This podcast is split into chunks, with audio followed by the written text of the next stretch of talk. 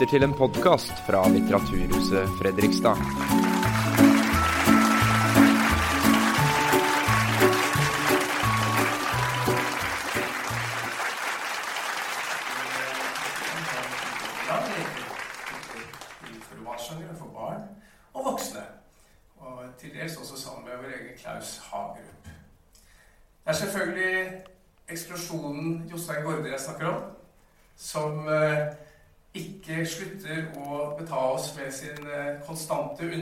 Og intense engasjement, om det nå er for universet eller for jordkloden vi står på. Han har kjent, blitt kjent som en stor filantrop, må vi si.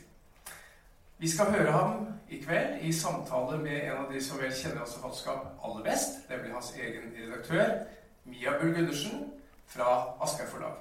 Velkommen på scenen. Og må jeg bare legge til, det vil være mulig å stille spørsmål og kjøpe den nye romanen 'Dukkeføreren' etter samtalen.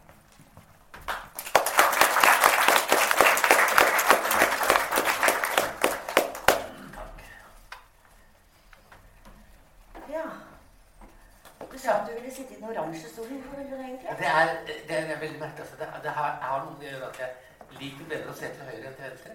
For jeg hadde sett meg ut blå, så det passet jo Ja, det passet bra. Ja, nei.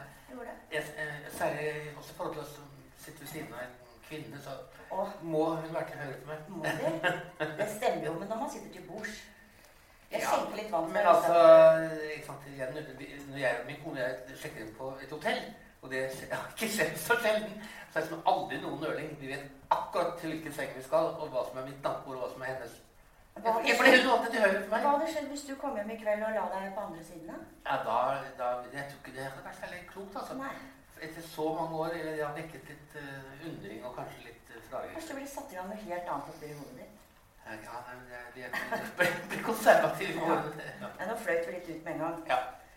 Vi kjenner hverandre så godt, for vi har jobba sammen siden 1993. Så ja, Jostein har nemlig bedt meg om å stille spørsmål som jeg egentlig ikke eh, Altså litt rare spørsmål. Og det kommer litt rare spørsmål til slutt, men ikke først. For jeg må jo si litt om det først. Jostein. Og la oss begynne med begynnelsen. Altså ikke da du ble født, da, i 1952, men begynnelsen som forfatter.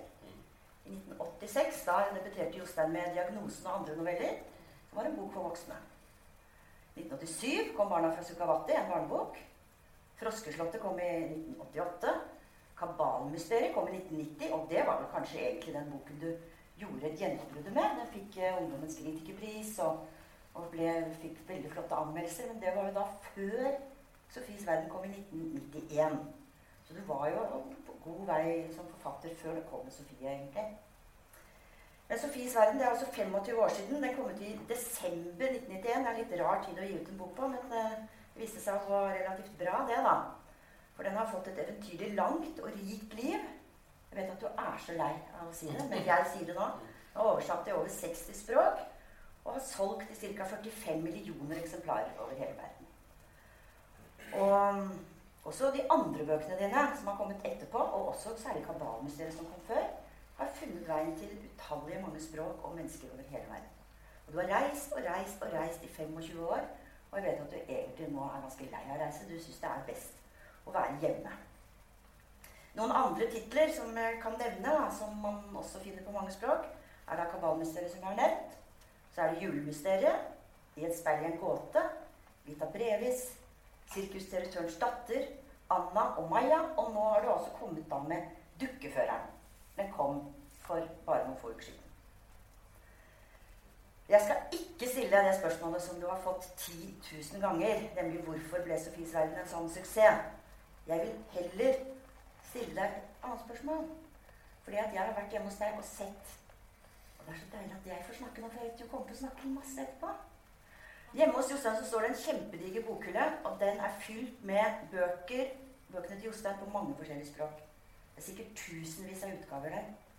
Hvordan er det å stå foran den bokhylla og se på alle de Altså, utgavene? det, det er ikke bare noe jeg står foran, det er noe jeg prøver å holde à jour. Og det er ikke så lett, fordi at eh, nesten uten unntak, hver gang jeg er i utlandet, så skjer det at jeg sitter og signerer bøker, og så er det en bok, altså en utgave av en av mine bøker som jeg aldri har, har sett før.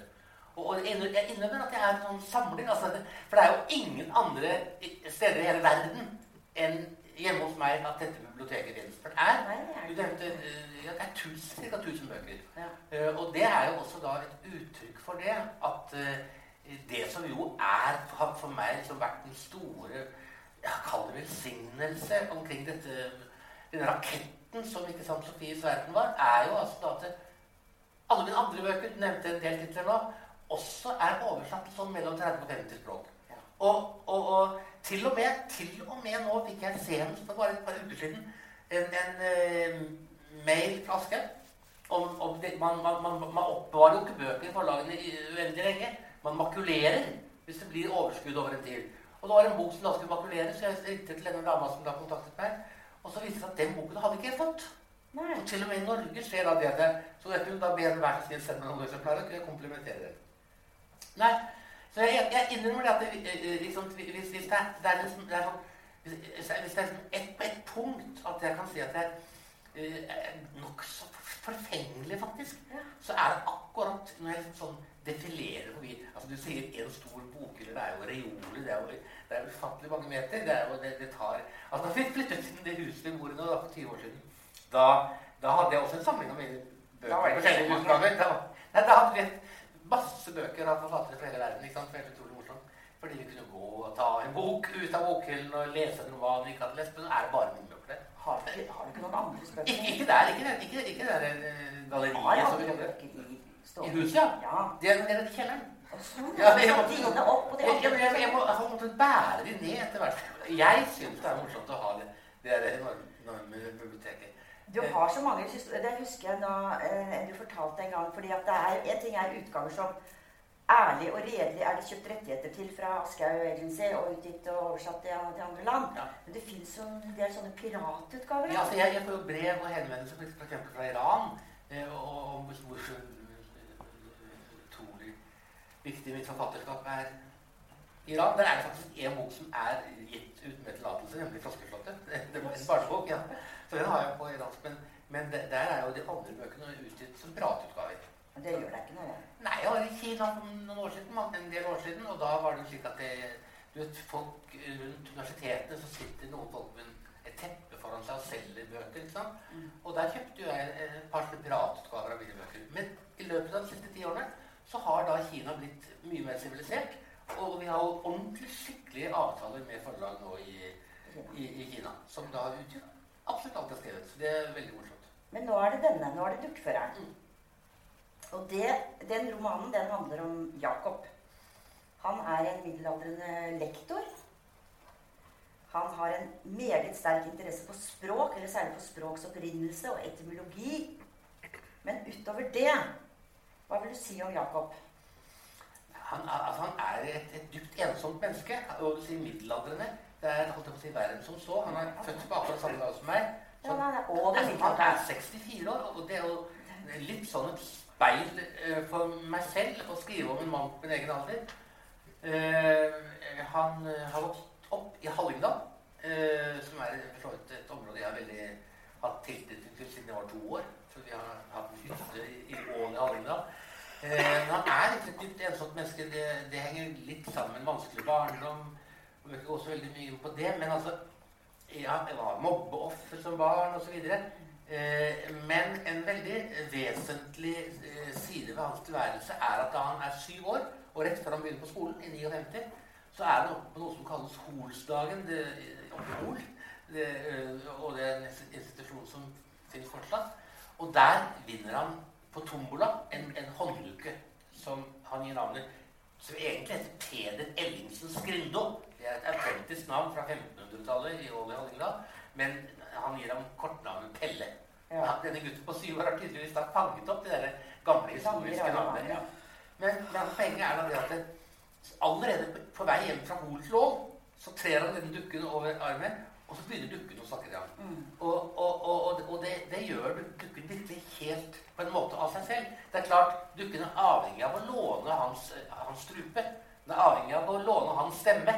Eh, eh, men altså, allerede fra første stund så er det etablert et slags kall det alter ego. Men det er jo ikke det gjelder. Det er en helt autonom, selvstendig skikkelse som blir en samtalepartner for Jakob gjennom faktisk hele livet. Ja. Og jeg mener, det er jo sånn at vi ja, no, no, Noen kan jo bruke mye av livet på samtaler med en ektefelle, ikke sant? Men, han, det, han, har hatt et veldig kort og mislykket ekteskap. Men, men, men han er ute og reiser, så har han med seg Pelle. For det er ikke noen sånn TV-titter akkurat. Han kan godt like å sitte og altså, Det er helt uforutsigbart hva Pelle måtte mene eller tenke om det. Eller, Men han bruker jo Pelle som en slags som du sier noe alter ego. Pelle tør jo å si de tingene som Jakob kanskje egentlig har lyst til å si. Ja, fordi poenget er at, det, at det, ja, etter hvert så blir jo gjennom livet så blir eh, Jakob en, en, en, ganske tungsindig fyr. Kanskje kan vi, kan vi sammenligne med Ludvig i, i, i den derre eh, Hva heter det? Flåklypa. Og, og så, litt sånn uh, tungsindig. Mens Pelle er mer som Solan. Og det er fordi at det, han representerer det det stadium i Jakobs liv eh, fra før han virkelig på en måte ble, ble, ble såret eller brutt ned eller mobbet, trakassert. Eh, altså, eh, på en måte så er eh, Pelle den som Jakob var eslet til å bli fra naturens side. Jakob blir litt såret. Han går litt såret gjennom livet. Ja, han gjør det, men han har tatt med seg denne solsiden også. Fordi han har jo Jakob, Det er jo tross alt en del av han, det òg det, det, går egentlig ikke helt opp fra før på de aller siste sidene i romanen. At det, altså, det er nesten rart å si det, tenker han, men på en måte så er jo Pelle meg. Ja. For, for, men, det har jo leseren skjønt en stund. ja, men, men ja, den siste, siste, som forstår det, er Jakob. Siste som skjønner det, er Jakob. Ja. Da sitter han oppe i Svalbard. Og det, det, er altså, det blir litt, litt sånn ekstra litt sånn sårt fordi eh, han eh, eh, skriver sin livshistorie til en kvinne som vi vet veldig lite om før i siste kapittel, som heter Agnes. Og som holdt jeg de kanskje kunne på en måte frelse ham sosialt, iallfall. Eh, eh, og fordi hun viser en viss interesse for ham. Og ikke minst når hun får oppleve ham sammen med dukken. Med, hun blir jo egentlig mer interessert i Pelle enn hun blir Ja. Altså, dette er jo en trekanthistorie. fordi Altså Ofte i trekanthistorier så er det jo en mann og en kvinne, og så er det en annen mann eller en annen kvinne. Men her er den tredje i trekanten en hånddukke. En dukke. Uh, uh, og, det er ikke så merkelig, fordi, at det, fordi at han er gøyal og frekk og freidig. Og gjør, gjør, sitt da overfor Agnes til liksom å på en måte tale Jakobs sak. Altså, han, han er en, fungerer som en go-between. Hun, hun, blir rett og slett ganske sjarmert av ham. Det er jo også litt ironisk at det, han eh, irriterer seg voldsomt, Jacob, over hvor frittalende Pelle er. Når han, ikke minst når han sier at det, men det sitter en edel herre her ved din side. ikke sant, Han driver faktisk og, og rett og slett prøver å, å matche disse to. Ja. Uh, og, med, med, til slutt så erkjenner faktisk Jakob det at, uh, at uh, han og Agnes det er liksom ikke de som har en stor fremtid sammen. det er Han må spille tredje hjul på vogna ikke sant, på en måte eh, i forhold til at Brennpunkt for hennes interesse er da eh, Pelle. Men det er klart Hun har med seg Pelle til en dukketeaterfestival i Slovakia. Hun har nemlig alltid vært opptatt av dukketeater. Og hun er også psykoterapeut og bruker dukker i psykoterapien osv. Så, så hun vil gjerne ha med seg Pelle til til, til uh, Slovakia. Men hun skjønner jo at da må hun eventuelt ha med seg Jakob òg. Ja, det er hun ikke helt sikker på. Men... Nei, hun, hun føler at hun må ha en dag sammen der oppe i Hun må jo nesten ha med Jakob, for Jakob er jo ikke Pelle nå heller. Ja, så Han føler han våkner egentlig litt sånn i bakhuset, og, og, hun banker på døren. Det er en lang historie hvordan hun dukker Nå må du ikke fortelle hele slutten, da. Nei. Dette er slutten. Det er slutten. Ja. Men jeg sier ikke noe om hvordan det virker. For det Nei. Men du, det skal jeg si nå. Ja. Dukkeføreren ja. syns jo jeg, da Jeg kjenner jo bøkene dine godt. Det er jo på mange måter en, en ganske typisk roman skrevet av deg, syns jeg. Fordi ja, Kanskje aller mest fordi det ikke ligner på noe annet som skrives. Eh, ikke her, men ingen andre steder. Du har en helt egen egenartet måte å komponere dine bøker på. Eh, en helt egen vri i fortellingene. Bare tenk på Sofies verden, f.eks., hvor eh, eh, Sofie jo viser det seg midt i boken ikke egentlig er bokens hovedperson. Det er jo Hilde. Altså, Du snur jo alt på hodet. Mm. Man kommer til midten der, og du snur faktisk litt på hodet når man kommer til midten her òg. Nå skal vi ikke røpe hva som skjer der. Nei. Men um, det er mange historier her, og det er mange karakterer. Og først og fremst Jakob, selvfølgelig, da, som er jeg-fortelleren. Men du har laget uh, kapitler, Og hvert kapittel har da titler på navnene på de andre karakterene som er viktige i boken. F.eks. Erik, Andrine, Runar, Grete Cecilie, Pelle selvfølgelig, Andreas, Sven Åke, Jon-Jon og Agnes. Som han jo da sitter og skriver hele denne fortellingen til. Det er det det det er det han gjør. Og hun er den siste personen vi møter, Ja. egentlig. Ja. Det står 'Kjære Agnes' først, da. Det gjør det. Men vi vet jo ikke hvem det er da. Men en ordentlig møte med henne, og, og, og hennes historie får vi ikke høre Nei, det får vi ikke. Mm. Det er sinnrikt bygget opp, dette her. Ganske komplekst. Mm. Vi satt og jobbet med en roman, så måtte vi liksom skille litt klinten fra veden innimellom. Og Mm. tenke liksom, vil leseren skjønne dette, eller kanskje vi skal gjøre det litt klarere og sånn. Vi måtte gjøre litt, rydde litt innimellom. Men alle disse folkene, hvem, hvem er det? Hvem er de? Eh, er altså, ikke sant, Poenget er, er jo det at det, det, det, det er sånn altså Jeg misunner ikke de som anmelder kriminalromaner.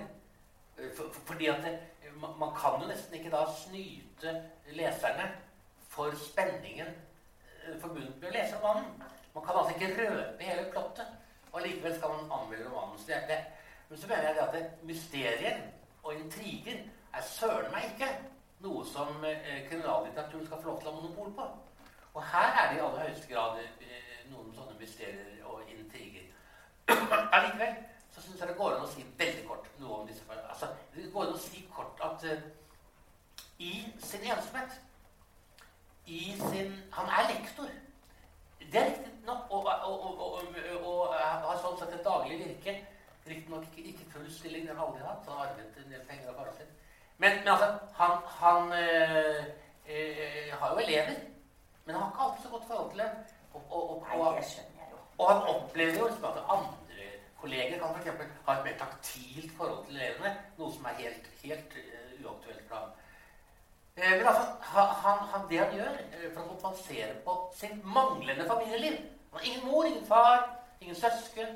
Han, han, han, han blir liksom sånn ulykkelig forelsket i familier. Han elsker relasjoner som tante, onkel, nevø, niese. Alt det han ikke har. Alt det han ikke har. Så han, han, han, han, han kompenserer på det ved å gå i gravferden.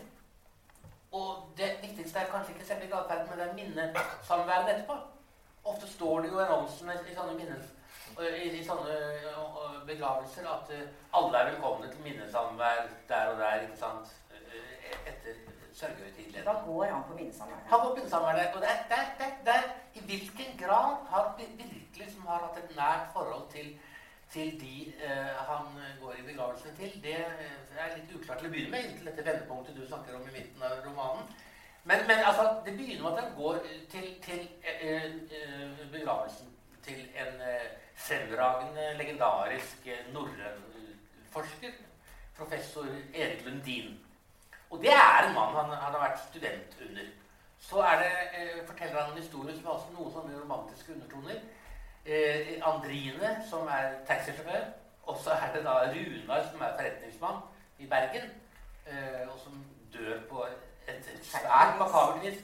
Eh, og så er det fjerde er jo at Grete Cecilie, som er astrofysiker, så der er det absolutt en del astrofysikk. For for meg er dette mange historier som binder sammen. Eh, og så får vi høre da historien om eh, Pelle, som, som jo eh, spiller en viktig rolle gjennom hele romanen i og for seg. Eh, men hans historie. Og så eh, kommer da eh, han Ja, da kommer han havforskeren Andreas. Andreas, ja. Ja, og så kommer Sven er Åke, han, denne, denne radikale teologen på Gotland, og Jon-Jon, en gammel hippie, for han levde også som hippie i en kort periode, denne ensomme mannen vår. Men det er en du ikke har nevnt nå, som jeg festet meg ved husker jeg, da jeg holdt på med var leste manuset ditt. da. Som du egentlig ikke skriver så veldig mye om, men som jeg syns kanskje er noe av det såreste i romanen. Det er nemlig det du nevnte akkurat.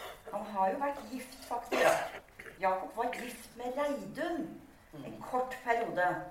Det er kanskje ikke så underlig at det ble kort, fordi at Reidun syntes det var ganske rart å være gift med en mann som trekker da en dukke over armen og begynner å snakke med den Altså, dukken. det, det, det, Hun likte ikke det noe særlig. Nei, så er det at hun du, tatt, Han mener jo det at også innen et ekteskap så må man kunne ha en viss form for sånn masse tid, noe, om ikke privatliv, så i hvert fall noe er personlig, noe er mitt, noe er ditt. Og, og han oppdager det at hun har klart å Fra han giftet seg med henne, har han gjemt Pelle. Men, men Ja, fordi hun Han, ville, han la Pelle langt inn i et Ja, for han skjønte jo at hun, hun ikke kanskje ville tolerere ham. Hun er nok litt sånn stivbeint og litt sånn eh, Ikke helt god av å hun heller. Altså, Tror du ikke det? Nei, jeg tror ikke det. Men, men, men, men jeg mener allikevel hun, hun, hun, hun, hun går liksom hans garderobeskap og tydeligvis har gått igjennom alle ting bare for å prøve å finne noe å ta ham for. Ja. Det er klart, Når hun finner Pelle, så begynner han en sånn en tid å følge med på at hun Han tar av og til, også i ekteskapet, Pelle ut og lufter ham eller tar ham på armen og samtaler med ham. Når, hun er ute av huset. Og så skjønner han at hun har begynt å i tid legge merke til på millimeteren hvordan Pelle ligger i skuffen. Ikke sant? For å se om han har forflyttet seg to millimeter den ene andre veien, og dermed har vært ute og i bruk. Eh, og, og, og, det, og, han også opplever at hun begynner av og til å komme uanmeldt hjem. Altså, hun kommer hjem litt før hun, han forventer at hun skal komme, for å ha på fersk gjerning. Og en gang kommer hun, og han har denne Nei, han kommer hjem, og hun står anklagende, harmfull med, med Pelle. Eh, Og hva skal, hva skal da Jakob gjøre? Hun vil jo at han skal gå og kaste Pelle. Ja, men han kan, han kan jo ikke forsvare seg på annen måte enn å la Pelle felle ordet. Nei. Så han tar Pelle over, og, og, og, og selvfølgelig med stemme til da.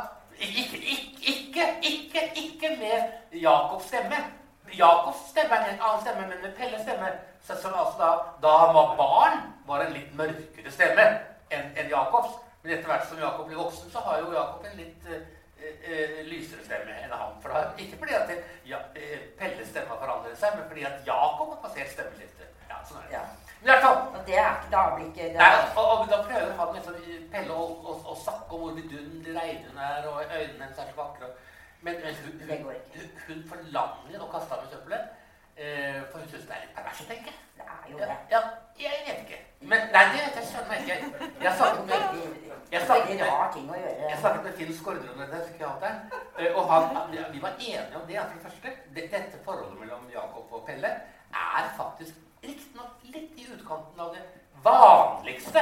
Men han ville ikke si unormalt. Altså, vi ble enige om at det kanskje var patetisk, men ikke patologisk. Det er, eh, sånn, han, han, jeg, Finn mente at, at Pelle og forholdet til Jakob i og for seg var en plausibel eh, relasjon ut fra hans innsikt. Hvor har du Pelle Nei, Jakob-figuren fra? Kjenner du en litt sånn tilsvarende Ja! type? Ja, og det gjør jeg, og det gjør du også. Fordi at det, for, for, for, for, nå, nå minnet riktignok min søster meg på det, at uh, da jeg var eh, barn, så tok jeg hele tiden sånn plukket sånne figurer ut av luften og snakket til dem og sånne ting. Men jeg mener, det å samtale med seg selv, det å snakke med seg selv Vi har uttrykk språket som å gå noen runder med seg selv, ikke sant? Altså, det, det, det der med å ha altså, Det er ikke alle indre monologer som er bare monologer. Jeg tror også vi er fylt av indre dialoger. Så jeg mener at dette er tatt litt ut. Men det er innenfor Altså, hadde jeg skrevet en bok om en råforelsket mann eller kvinne, eller en bok, en roman om forelskelse, så ville jeg spilt på noe allmennmenneskelig, og veldig mange ville kjent seg igjen. Jeg mener at når man skriver om ensomhet Ensomhet! Så er det også en kategori av, av, av menneskelig eh, bevissthet og tilstedeværelse som alle har kjent en flik av. Ensomheten kommer til oss på veldig mange måter. Og om ikke annet, og dette er veldig alvorlig også for Jakob, fordi han, det er ikke tilfeldig at det går disse begravelsene. Det er mye avskjeder, det er mye oppbrudd. Og, om vi kommer alene, nakne til denne verden, det gjør vi alle sammen. Blir tatt imot av noen varme hender. Og så er det litt sånn oppi alt familieliv eller hva det måtte være, litt sånn alene mellom himmel og jord. Fordi vi vet at vi også skal gå ut av denne verden nakne og alene. Og, og, og derfor, det, det, der, der mener jeg at det, mange kan oppleve en slags form for ensomhet i den forbindelse. Så jeg vil forsvare det universelle, som jeg tar litt ut her i hans ensomhet, det, det litt universelle i dette med at eh, vi alle tror jeg har erfart det litt slik av hva ensomhet kan være. Men han har jo, du sier, han er veldig opptatt av familier. Han, han ønsker å høre til en familie, og han liker godt de der minnesamværene. Særlig der hvor det er store og intakte familier. Ja. Familier som har det varmt og godt sammen, og som kjenner hverandre ut og inn. Sånne grupper liker han seg veldig godt. Og i mangel av egen familie så, så, så er han jo blitt veldig glad i den indoeuropeiske språkfamilien. Det liker han veldig godt. For han er opptatt av språk, som jeg nevnte i sted. Ja. Og, og, så, og etymologi og sånn. Og, og der er han jo en litt pussig type, fordi at han, han kommer jo stadig med sånne etymologiske utlegninger. Sammen med Pelle, kanskje. Ja, Dette er jo dialoger de fører sammen. Nei, altså Han oppdager det at det, på sitt hallingmål Det er jo et ganske konservativt uh, norsk målføre. Uh, så er det blant annet har de flertall av, av verb. Akkurat som vi har i, på svensk Gingo tre jenter sant, i solen', eller 'Vi ære en nasjon vi med'. Dette er gjennomført på hallingmålet. Og han graver liksom dypere og dypere og ser at det, norske språk, norske språk er jo en del av den store indoeuropeiske språkfamilien. Så er, vi, vi, har jo Og han er opptatt av sier, ord, slektskap. altså de, det, er litt rørende, syns jeg, hvordan Pelle og han har en samtale på Vettakollen i første kapittel eh, i Oslo. Hvor da eh, de begynner å snakke om sånne ting som tømmer. At det er det samme som du har i, i, i Zimmer på tysk. ikke sant? Eller, eller, eller Timber. ikke sant? Eller som det samme ord som du har i domus på latin. I, i hus. Samme som er dame. Av domina. Altså Ord som tømmer og dame er beslektet. Og, og, og, og det, altså, og det gjelder altså de aller vanligste ord i vårt språk. Helt vanlige ord. Eh, som alle tallord fra 1 til 20, f.eks. Du, du finner det i Russland, i, i Persia, i Kina Altså ikke Kina, men i India. Eh, alle eh, språk i Europa, bortsett fra baskisk og finsk-ugrisk oppe i nordøst, er indoeuropeiske språk. Så han, han, han er litt sånn som meg. Altså, han er litt, nerdete. Ja, men herregud, han kunne ha samlet på frimerker. Og så ville det vært nerdete også. Ja. Eh, for det også kunne sagt noe om identitet av Norge med disse gamle store bokstavene. Ja. For du samler på sånn. For du snakker stadig vekk om hvor ord kommer fra. Ja, for, det kjenner jo jeg. Ja, for, er, for, meg er det identitetsbærende. Men ikke så mye som for ham. fordi han sier jeg ingen... Jostein, for eksempel. Hvor kommer det fra? Ja, det, det, det, det er så morsomt. For eksempel, det er litt enkelt. Det er for eksempel, er det, det er ikke. Er det New York, for eksempel, så sier folk så er det funny, how do you pronounce your name? Sånn, Jostein? Sånn, and, and what does it mean? Så sier jeg Jostein. Altså JO, det er gammelt, gammelt, gammelt, gammelt indoeuropeisk ord på norrønt jord. Som vi har i, i, i, i jorden, joar, jordvik, jordvik. Det er det samme som York. York, egen by i England. Altså Hestvika. For jord betyr hest. Eh, og det New York, det betyr også det nye Hestvika. Altså, det er det samme ordet som, som epus på latin, faktisk. Det er det samme som hippo på, på gresk. Eh, eh, altså og, og, og, eh, stein er, er stein. Så en jordstein det er altså en sånn stein man hadde på alle gårder som man sto på for å klatre opp på hesten. Det var før stigbøylenes tid. ikke sant? Eh, og gorder det, er jo, altså det finnes jo på absolutt alle disse språkene. Det er ordet, ordet kommer av ordet for, for, for inngjerdet område. Samme som har gjerde. Yard på engelsk. Eller court på engelsk. Ordet courtyard har denne gamle indoeuropeiske roten ger er det på gamle indoeuropeisk. To ganger. Ger, ger, courtyard. Garten, garten på, på tysk. Jardin på fransk. ikke sant? Jardino på, på. Ditt navn er egentlig en sånn stein som man sto på for å komme opp på hesten inni et inngjerdet område? Ja, gjerne det. det er litt flott, da. Ja, men, men sånn er det med alle ord. Ja. Omtrent. Sånn holder Jakob på. Sånn holder, sånn holder han på, og det, det det, er, det, det, går an å synes, når man leser romanen, at dette er bitte litt grann Hvilket jeg overhodet ikke forstår. At det er bitte lite grann sånn irriterende at det liksom er lagt utenpå selve romanhandlingen. Jeg prøver å flette inn så godt jeg kan, da. Men jeg syns at det Ikke sant eh, Hvis man liksom eh, går og vasser i et, eh, i et svært landskap, og så plukke med seg noen gulltromper her og der. det, er jo, det er jo litt merkelig hvis du går til på Vettakollen. Mm. Kommer du intetanende forbi en mann som sitter der og ser utover med en hånddukke på armen og hører at de, de snakker sammen om etymologiske begreper. Det er jo klart at det er litt, litt rart, da. Jo, men det gjør de bare etter at uh, solen er gått ned og alle folka har gått ned fra Vettakollen. De vil aldri satt i en park i Nei, de sitter i en busskur, busskur på Gotland og sitter og prater. Ja, men det, det er liksom det at han sier at noen mennesker de, de, de, de, vil aldri bade nakne i sitt hjemland. Men hvis man er helt aleine i et helt annet land, kan det godt bade nakne. Så der gir han litt blaffen. Ja. Så han, han, han, da, da, sitter han i et busskur i, i, i, to, en, i en time og, og, går for øvrig gjennom eh, visse sånne grunnpilarer når det gjelder indoeuropeiske eh, etymologi. Ja. Folk blir jo litt der, ja.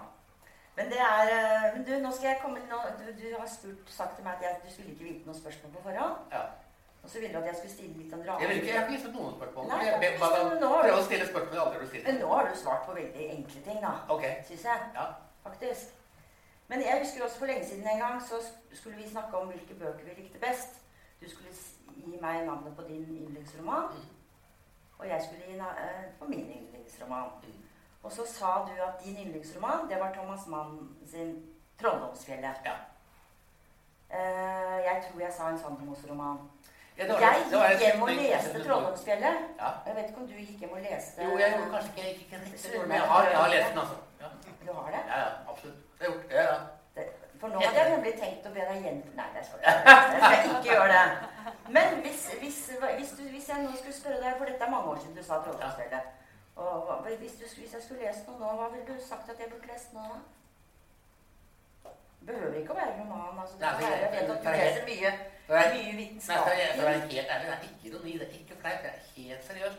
Hadde det ikke vært fordi at du var redaktør for denne boka, ja, så ville jeg faktisk ha foreslått den. For, fordi at jeg, jeg må Etter så mye positiv omtale av andre bøker, en annen bok du ikke nevnte noe sted, stedet var Appels- Appelsinbikken Så jeg, jeg opplevde synd. Jeg, dette er en av de romanene jeg i er mest fornøyd med å skrive. Ja, men ok. En bok som jeg skal anbefale deg nå å lese. Ja. Mhm. Ok. Nå må også si det at jeg, det er sånn, vi har faser i livet. Jeg vet at du Ja, og vi, og vi, vi leser mye mindre Ja, skjønnlitteratur. det vet jeg. Så nå håpet jeg hvem du skulle foreslå en, for du leser veldig mye sånn vitenskapelige ting. Ja. Klima ja, men jeg er enig. Da er det eksempel kommet noe Jeg har eksempel senest i dag anmeldt i, i, i siste dagene noe i flere aviser en bok som heter 'Sapiens', som handler om dette på si, dyret vi, vi, vi, vi er i slekt med. Og, og, og, og det er en slags sånn verdenshistorie Man begynte å bruke ordet 'big history', altså hvor man skriver liksom en historie, en verdenshistorie fra vi gikk ut av Afrika, kanskje på 200 sider. Jeg har alltid vært fascinert, veldig fascinert av at enhver historie kan fortelles kortfattet og enkelt. Jeg går ikke med på at noe, at, at noen ting er så komplisert at det går liksom ikke an å forklare det for alminnelig vanlige folk. Liksom. Det er aldri godtatt. En klar tanke tror jeg kan formidles klart. Og da mener jeg at for eksempel da jeg var lærer i mange år, først på veldig, veldig, veldig lenge siden nå, det er over 30 år siden, men jeg var lærer på en videregående skole først, og så var jeg ti år på Fana folkehøgskole. Da begynte jeg alltid eh, undervisningen de første fire, fem, seks timene med, med, med det jeg kalte virkelighetens historie. Altså jeg, jeg begynte med universet fra Big Bang, ikke sant? Og så fulgte jeg ut- utviklingen av livet på jorden, og så, og så Det går an å fortelle en verdenshistorie på fem minutter. Og den typen bøker kommer det mange nå, og mange av de syns jeg er veldig gode. Ja. Ja. For der er du godt orientert. Og eh, ellers vil jeg nevne, bøker innenfor astrofysikk. Altså. Det, det si. Du får finne en god til meg. Men altså, nå, nå, har jeg kommet litt bort fra lukkføreren, for nå skal jeg stille deg et annet spørsmål. Og nå sa du jo faktisk litt grann, altså, om, om eh, litt, som tangerer litt det spørsmålet. Hvis du fikk muligheten til å være astronaut og sette deg inn i en romrakett som da blir talt ned, fyrt opp, og som går rett liksom opp i himmelrommet, ville du turt det? Eh, altså, det er rett og slett et biokjemisk farmasøytisk spørsmål. Ja, klarer du å svare Uten å det? være skikkelig dopa på noe, valium eller et eller annet. Så jeg svarer nei. Du ville ikke turt det? Nei, jeg ville ha dødd. Hva? Altså, jeg, ja, du kjenner jo til min Du er jo men dette, Man tenker ikke på høydestrekk når man er Nei da. oppe. Nei, men uh, uh, uh, Du hadde ikke turt det? Nei, jeg hadde ikke turt det, altså. Nei, jeg hadde ikke. Hadde jeg ikke. Nei. Nei, fordi at Du er jo redd for å gå opp i et sånt gruppe, vet du. Ja, det er jeg. Ja, Det er høyt oppe, det. det er. Men, men derfor du har en sånn Jeg husker i Anna, den forrige romanen din, så har du en sånn drømmesekvens Ja. som handler om en som er i et romskip som, som ser ned på jorden, som ser den vakre planeten. Ja. Det var litt derfor jeg spurte. Ja, det det sant, og det har jeg der så noen andre steder også, fordi jeg er veldig opptatt av dette å se, se kloden fra ja.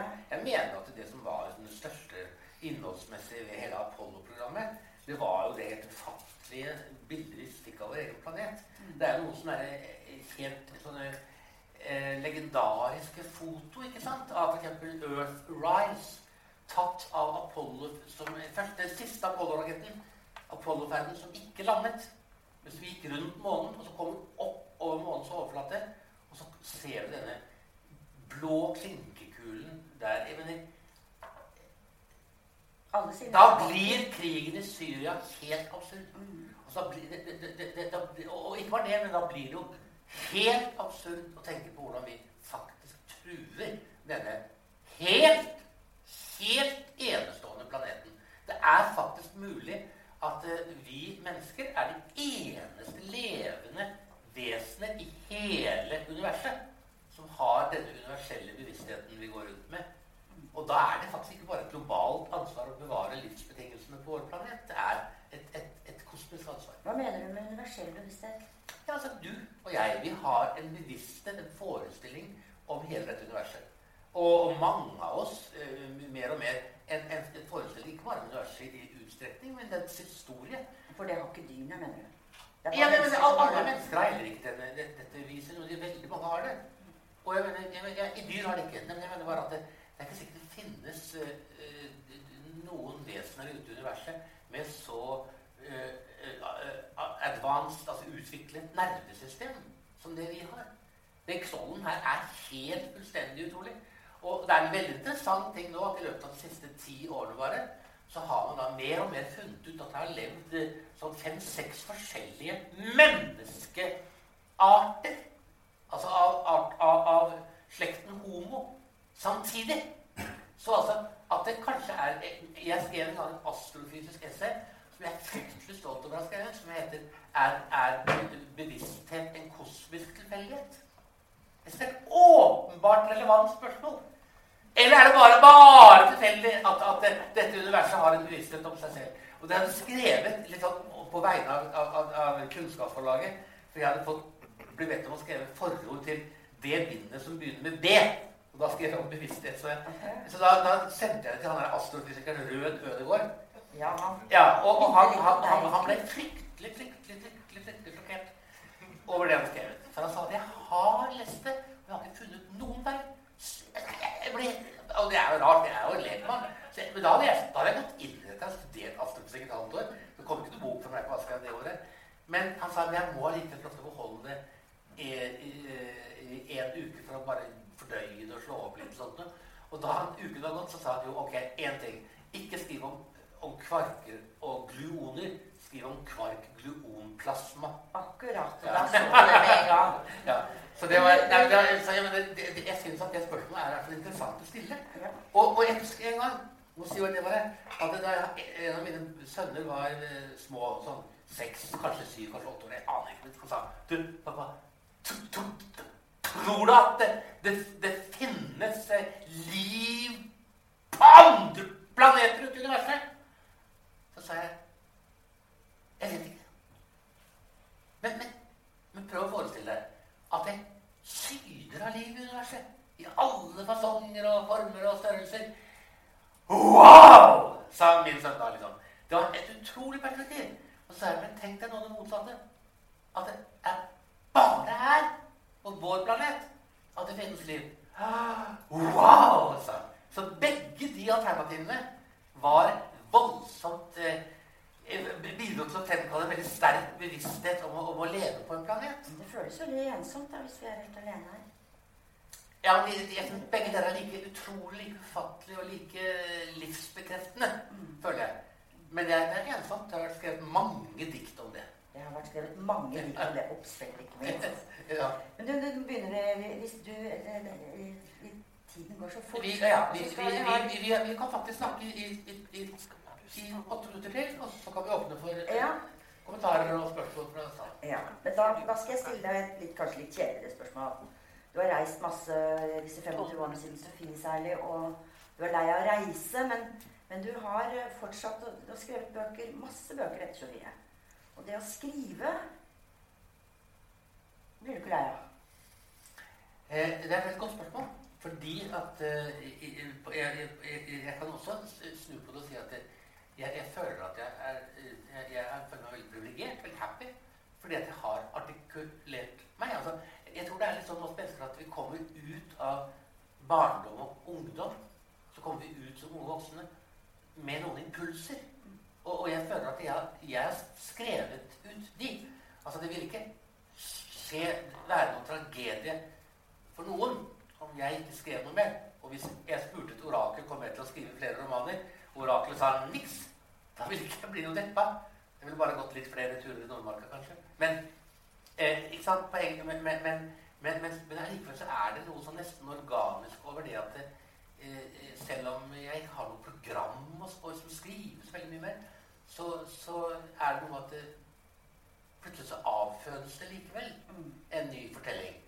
Eh, og, og, så det, det, er, det, er ikke lenger av nød Det, det var det.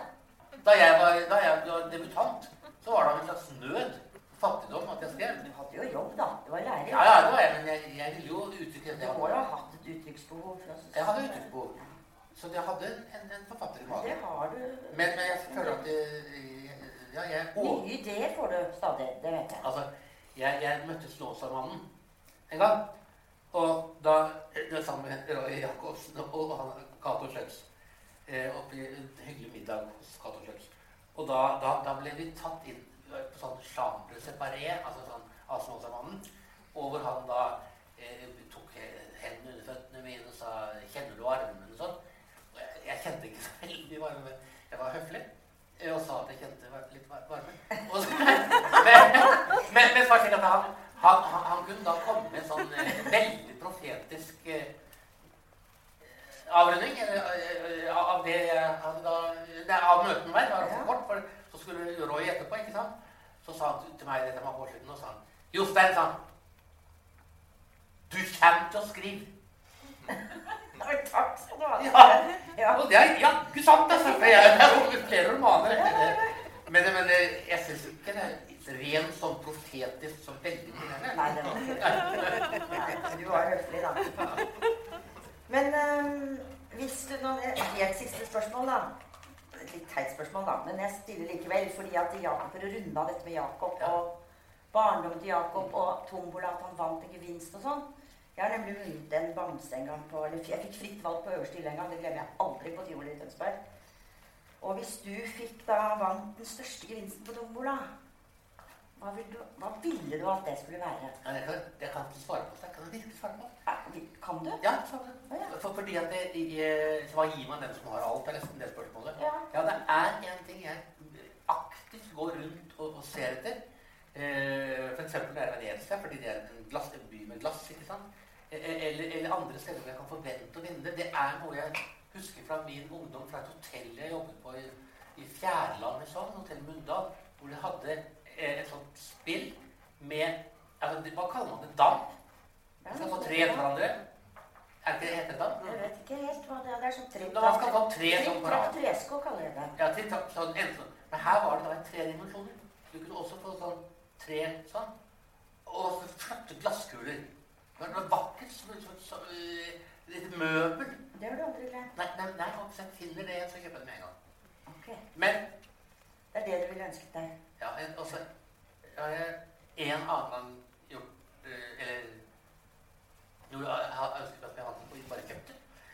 Fordi jeg gikk forbi en sånn umakerforretning på Frogner.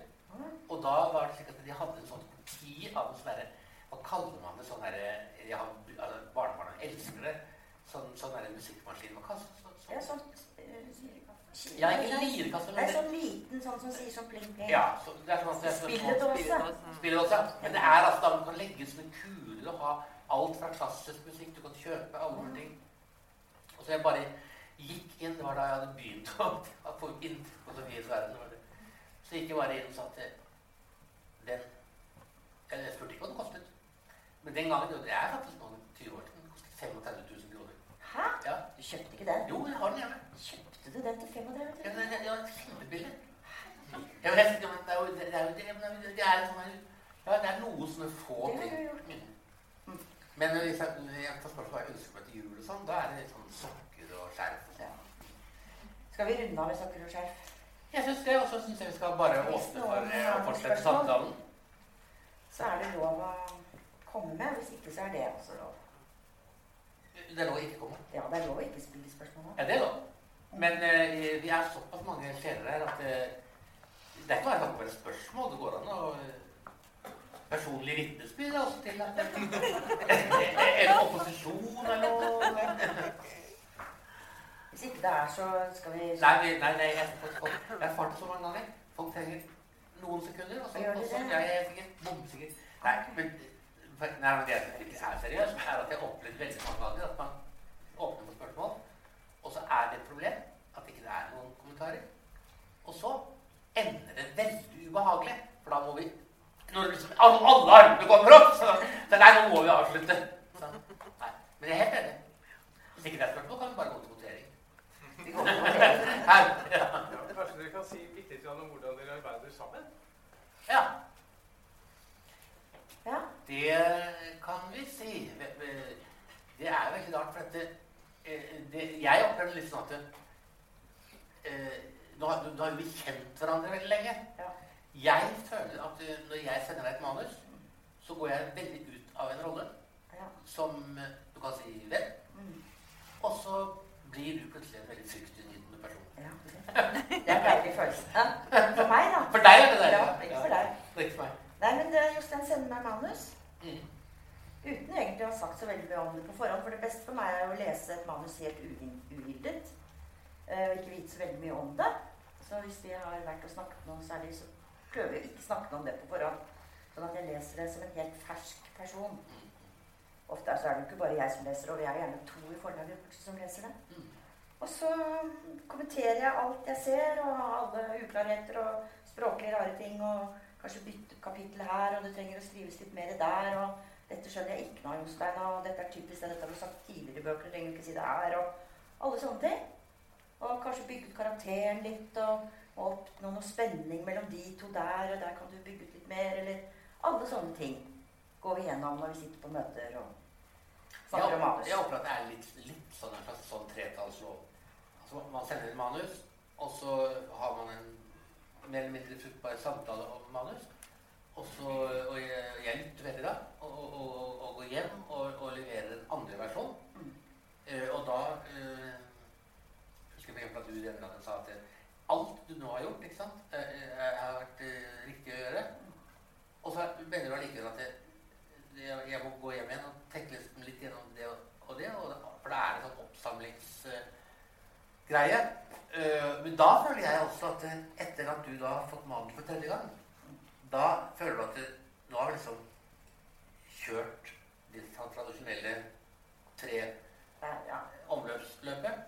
Og så da, da, går, da er neste trinn sånn at man, det kommer en språkvasker inn og leser gjennom manus. Så det går gjerne tre runder, og så blir det litt mindre å gjøre for hver runde.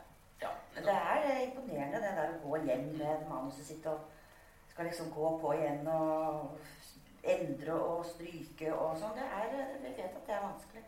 Jo, for eksempel, for eksempel Og så blir man litt lei, ikke sant? Jo, jo, men, men gangen med absolutt da jeg leverte første gang, så var jeg helt uh, klar på at dette her var det, Husker jeg sa til deg at dette er liksom ikke noe, det er ikke noe mer om å lese. Dette er første gangs innlevering. Mm. Eh, Så det, det er liksom øh, og, og da var jeg helt forberedt på at nå, nå er jeg kommet så langt. Og, og det var også interessant også å nevne det at det, altså, dette her var i august. Ikke i midten av august, kanskje. At du fikk manus til meg. Og så er boken i bokhandelen altså da si september, oktober, november, desember, januar, februar, mars Ja, ja, ja faktisk etter seks måneder. Ja, Så jeg, jeg synes det går ganske fort. det, går, eh, det, det er en ganske, ganske prosess. På den annen side, Henrik Wergeland reiste inn fra Eidsvoll med en diktsamling og leverte til Cappelen Forlag. Og tre dager senere så var boken forlagt og lå i bokhandelen. Det var en litt annen tid. Enda da hadde de disse her blybokstavene. ikke sant? Det kan ikke være sant. Det er sant. Ja, jo. liksom. Ja. Men da, da hadde de ikke disse markeds... Du må ikke glemme det. Eh, eh, Hvis man skal ha en bok ut om høsten, så skal man helst levere 1. mars. Ja. Og, og jeg mener, det er fordi at, det, fordi at, det, er fordi at det, mellom, bok, mellom forlagene og bokhandlerne er, det noe som de kaller for altså ja, de, de kan eksempel kalle det for kampanjer. Innesalg, Innsalg. Altså, det er veldig mye sånne kommersielle greier. Det er det. Det er helt avhengig. Fy søren. Ja. Sånn.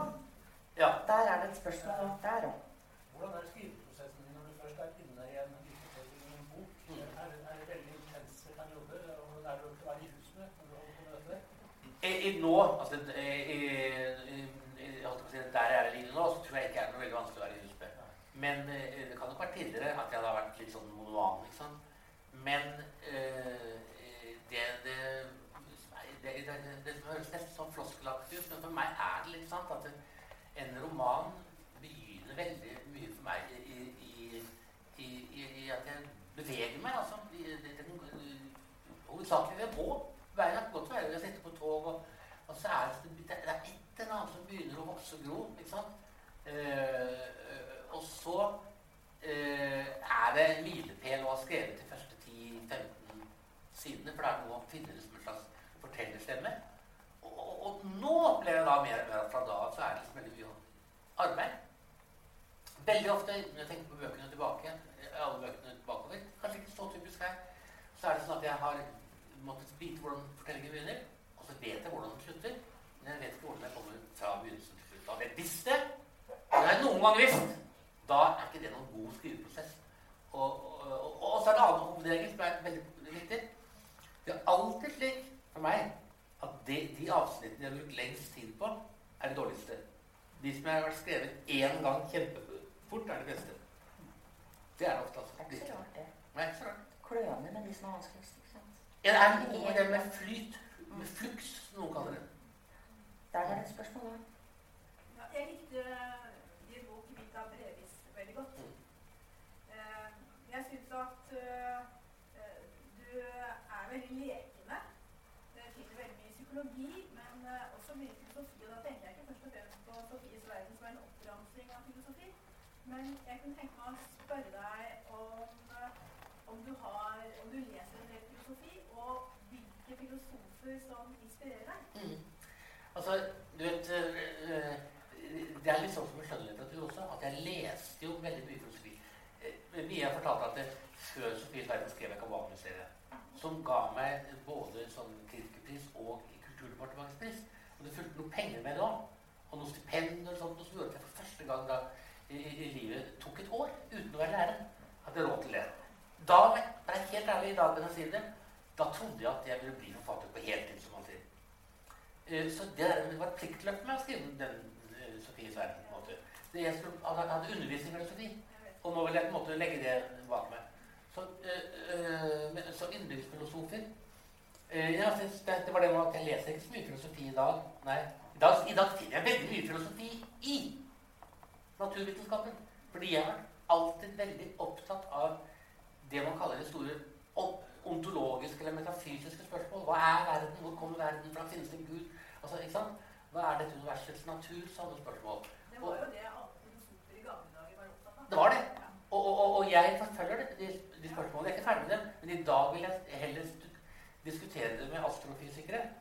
Eh, og for eksempel dette spørsmålet som Descartes var opptatt av. Jeg har hånden min her, ikke sant? Og så bestemmer jeg meg for at jeg skal løfte hånden, og så «Åh, gjør Det er utrolig vittig hver gang det skjer, altså.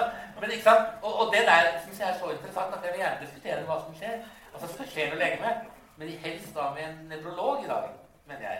Fremfor en filosof. Men sånn favorittfilosof Vi har jo nevrologer som er litt filosofer. Og, og Absolutt. Og jeg nevnte Finn Skårderud. Han syns jeg er absolutt litt er en filosof. Eh, men altså, så det med yndlingsfilosof jeg, jeg, jeg har alltid fått spørsmål om hva er min yndlingsfilosof. Jeg kan godt si at jeg kanskje kunne ha si Spinoza, for det er litt sånn av meg. og sånt. Men jeg har aldri klart å gi noe ordentlig svar på det. Men så ble jeg spurt en gang i Milano, husker jeg, eh, hva er din yndlingsfilosof? Så sa jeg ah, eh, Nei, han sa han noe annet. Han sa Imagine, sa han, at du døde og kom til himmelen. Og der kunne du møte hvilken filosof du ville. Hvem du helst ha en samtale med? Og da ville du svare. Da sa jeg men da må han få si tre. Ok, sa jeg. Ja, det ene vil være Sokrates. Fordi han er gåtefull. Vi vet ikke hva egentlig Han skrev ingenting. Vi kjenner ham bare gjennom Platon. Og han er Du minner meg jo litt om Platon, og hvordan Platon stilte spørsmål ved alt det lagde bilder av mennesker som ja, Ja. så i hulelignelsen. og Ikke sant? Det kan du si. Og som andre jeg ville tenkt meg da For det, jeg mener at det Sokrates er viktig som sånn reason-based filosofer. ikke sant? Sånn.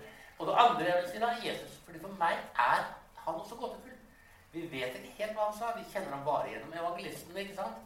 Uh, og, men for meg er Jesus den viktigste, for meg personlig også, moralfilosof. Jeg har ikke behov for noen annen etikk faktisk enn en, en, en bergprekenen. faktisk. Og, og det tredje da gir seg nesten da selv, for det er Buddha. Uh, som heller ikke skrev et ord. Vi, vi kjenner ham bare gjennom hans disipler også. Og, og han han var en stor psykolog, og han så dypt inn i alle tings forgjengelighet. Det Et sted jeg også befinner meg, alltid på å si. Så det var de tre jeg da ville Du nevnte ganske tidlig faser eh, i livet som gjør at du skriver om eh, sikkert og, og gjør research på forskjellige områder. Er, er det det vi ser i litteraturen din? At det er faser i livet? Det er nok opplagt. Altså, i, hvert fall så er det eh, noe som er altså, Jeg husker jeg sa til meg selv som, da jeg skrev diagnosen. Så sa jeg til meg selv eh, at jeg er en type sånn, litt sånn cerebral forfatter. Altså som, som, som liksom dikter med hjernen mer, eh, mer mer enn det er sensualitet bak det. Men så mener jo jeg at jeg har skrevet veldig sensuelle bøker senere. F.eks. 'Et speil i gåte' eller 'Vita brevet', som du nevnte. Eh, og jeg husker jeg sa til meg selv jeg kommer aldri til å skrive om erotikk. For det tror jeg, jeg, er altfor personlig. Jeg er altfor sky til det. Men jeg har jo i aller høyeste grad skrevet også erotiske bøker, f.eks. 'Vita deres. Og, nevnte vel egentlig mer sånn interessefaser. og den andre, andre, part- den andre appelsinpikken. Altså, Jeg mente vel egentlig interessefaser kanskje gjennom livet. Du snakker Ja. nå om uh, fysikk og astro. Ja.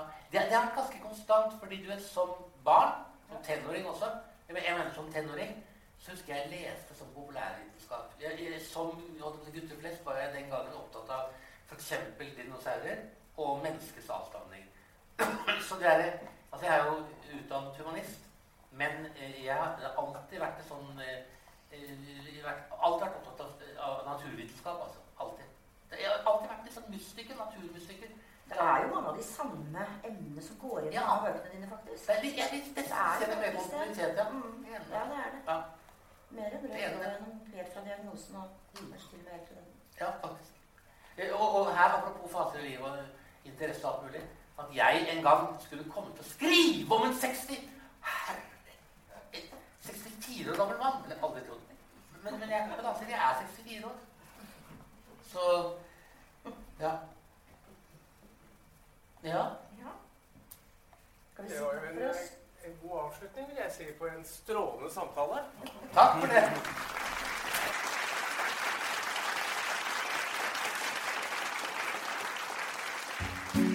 Nå har du hørt en podkast fra Litteraturhuset Fredrikstad. For mer informasjon, klikk deg inn på lytthusfred.no.